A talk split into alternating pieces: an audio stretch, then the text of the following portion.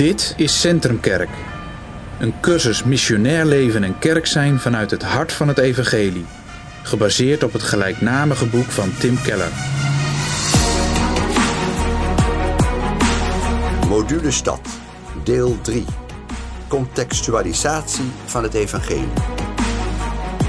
Evangeliebediening volgens Centrumkerk kent nog te weinig, nog te veel contextualisatie met betrekking tot de stad en de cultuur. Omdat de stad zowel mogelijkheden schept voor de bloei van de mens als voor verafgoding van de mens, kent onze bediening een balans, waarbij we het evangelie gebruiken om de cultuur zowel te waarderen als uit te dagen om in overeenstemming te komen met Gods waarheid. 9. Bijbels contextualiseren. Wat verstaan we onder bijbelse contextualisatie? Tim Keller onderscheidt drie zaken. 1. De basis. 2. De reden. En 3. Het basisprincipe van bijbelse contextualisatie. De basis voor bijbelse contextualisatie vinden we in Romeinen 1 en 2. De Bijbel heeft een genuanceerde kijk op cultuur, want elke cultuur heeft goede en slechte elementen. Alle mensen hebben een oerbesef van God en van Gods wet, een natuurlijk besef van het goede, van eerlijkheid, rechtvaardigheid, liefde en van de gouden regel. Elke cultuur kent een vorm van algemene genade of openbaring, niet reddende kennis van God die God schenkt aan allen die naar zijn beeld zijn geschapen.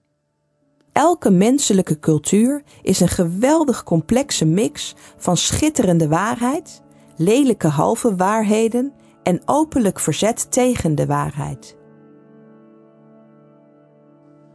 Onze houding ten opzichte van elke menselijke cultuur moet daarom gekenmerkt worden door kritisch genieten en gepaste voorzichtigheid. Genieten van de inzichten en creativiteit van andere volken en culturen.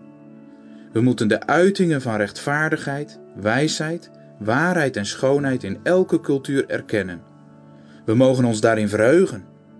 Tegelijk geldt dat elke cultuur is vervormd door de zonde, vooral door afgoderij.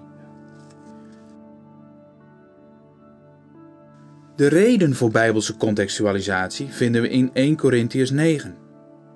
Paulus zegt daar: Ik ben voor iedereen wel iets geworden, om in elke situatie althans enkelen te redden. Culturele aanpassing wordt hier als teken van liefde gezien. Paulus maakt er zelfs een principe van.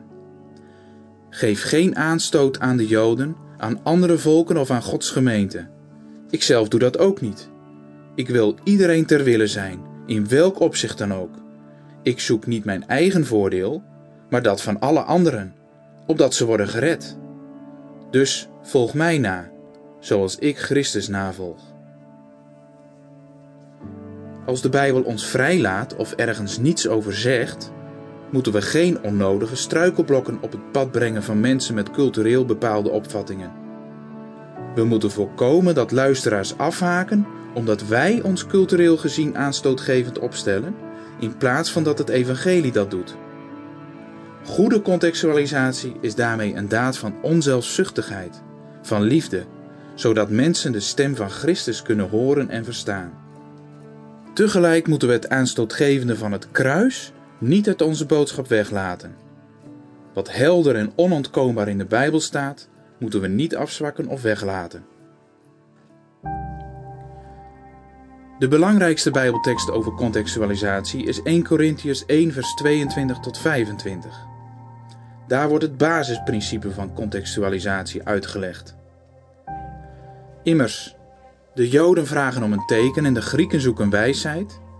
Wij echter prediken Christus, de gekruisigde. Voor de Joden een struikelblok en voor de Grieken een dwaasheid. Maar voor hen die geroepen zijn, zowel Joden als Grieken, prediken wij Christus, de kracht van God en de wijsheid van God. Want het dwaze van God is wijzer dan de mensen, en het zwakke van God is sterker dan de mensen.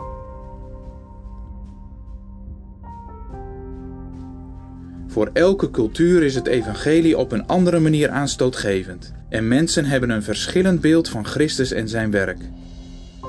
Grieken kwamen tot het inzicht dat het kruis van wijsheid getuigt, Joden dat het kruis ware kracht is. Paulus gebruikt het evangelie om de grondgedachten van beide culturen aan te vallen en aan te vullen, zowel op een positieve als op een negatieve manier.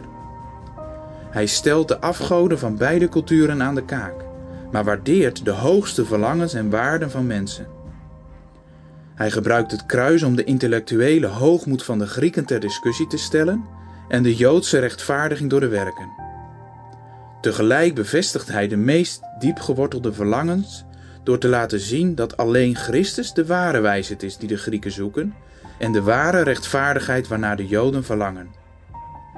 Paulus laat zien dat de manier waarop Joden en Grieken zaken nastreven die op zichzelf goed zijn, op niets uitloopt. Hij wijst op de onoverkomelijke tegenstellingen en afgoderij die verborgen zitten in hun cultuur, om hen daarna op de oplossing te wijzen die alleen in Christus gevonden kan worden.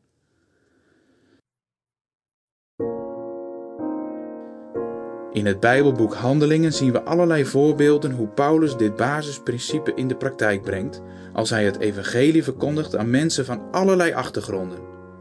Van mensen die in de Bijbel geloven, polytheïsten, hoogontwikkelde heidenen en christelijke oudsten, tot een vijandige Joodse menigte en de regerende elite met gemengde culturele achtergronden en kennis van zowel Jodendom als heidendom.